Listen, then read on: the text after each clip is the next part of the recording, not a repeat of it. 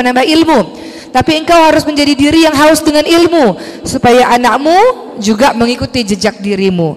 Jadi teman-teman sekalian, cara mendidik anak yang ketiga tadi adalah berikan pendidikan agama.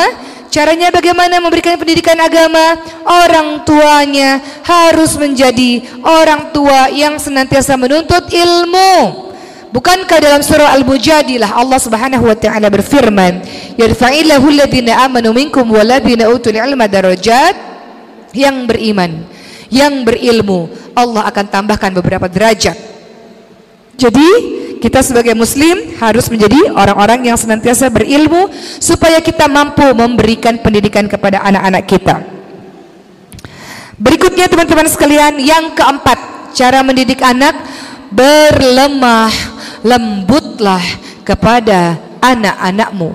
Rasulullah Shallallahu Alaihi Wasallam pernah mengatakan kepada seseorang namanya Akro Al Akro bin Habis At Tamimi. Beliau mengatakan Rasul, saya tidak pernah mencium anak saya. Ada 10 orang nggak pernah saya cium. Kata Rasulullah, man la yarham la yurham. Barang siapa yang tidak menyayangi maka tidak akan disayangi. Berlaku lemah lembut kepada anak-anak kita adalah ajaran dalam agama ini teman-teman sekalian. Dari Aisyah radhiyallahu anha Rasulullah sallallahu alaihi wasallam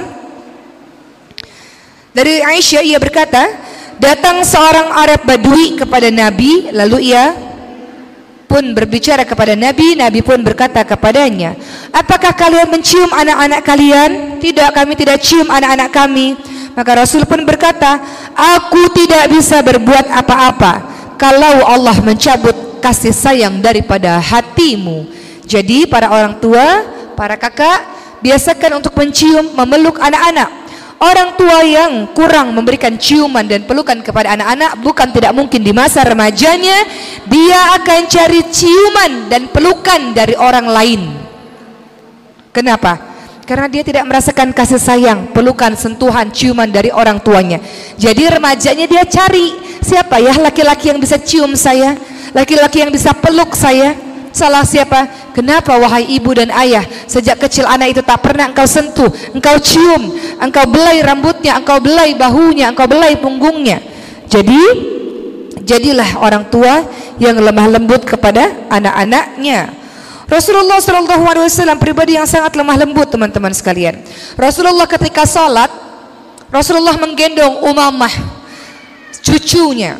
Jadi ketika sholat saking sayangnya pada anak digendong bayi, boleh nggak gendong bayi ketika sholat? Boleh, asal pastikan dia pampersnya itu kosong bersih. Jadi ketika Rasul sholat digendong bayinya, ketika Rasul sujud diletakkan anak kecil tersebut, ketika berdiri Rasul gendong lagi, itu bentuk kasih sayang Rasul kepada anak. Begitu pula ketika Rasul sujud, ada cucu-cucunya naik di atas kepala Rasul kan, Rasul lama sujudnya. Sampai sahabat berkata, kenapa Rasul? Ada wahyu? Atau tidak? Kata Rasul tidak ada wahyu, hanya saja aku ingin membuat anak-anak puas dalam menunggangiku, bermain di atas punggungku. Jadi itu bentuk kasih sayang Rasulullah SAW yang sangat lemah lembut teman-teman sekalian. Saya berharap teman-teman semua menjadi orang tua orang tua yang senantiasa berlaku lemah lembut. Lemah lembut bukan berarti hmm, lemah tak berdaya. Lemah lembut juga kita bisa menerapkan peraturan-peraturan teman-teman sekalian. Dan jangan biasakan kita mendidik anak-anak kita, kita hiasi keluarga kita dengan teriakan-teriakan dan dengan ancaman-ancaman yang membuat anak tersebut pada akhirnya tidak respect melainkan hanya takut saja kepada kita. Ibnu Battal rahimahu, rahimahullah berkata, menyayangi anak kecil, memeluknya, menciumnya, lembut kepadanya, termasuk amalan-amalan yang diridhai oleh Allah Subhanahu wa taala dan akan diberi ganjaran oleh Allah Subhanahu wa taala. Jadi teman-teman sekalian, saya berharap bahwa dengan mengetahui yang pertama tadi posisi anak di dalam Al-Qur'an, lima poin tadi, dengan mengetahui apa yang menjadi penyebab anak-anak tidak dekat kepada Allah dan anak-anak berakhlak buruk dan kemudian dengan mengetahui bagaimana cara mendidik anak, mudah-mudahan dengan apa yang saya sampaikan secara singkat ini membuat teman-teman pada akhirnya bisa mengamalkan apa yang telah kita tahu. Dan teman-teman boleh baca karena waktu saya sangat sempit saya tidak bisa baca panjang.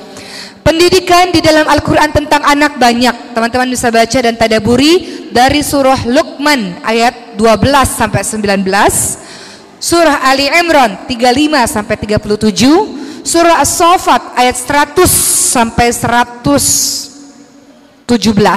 Teman-teman baca.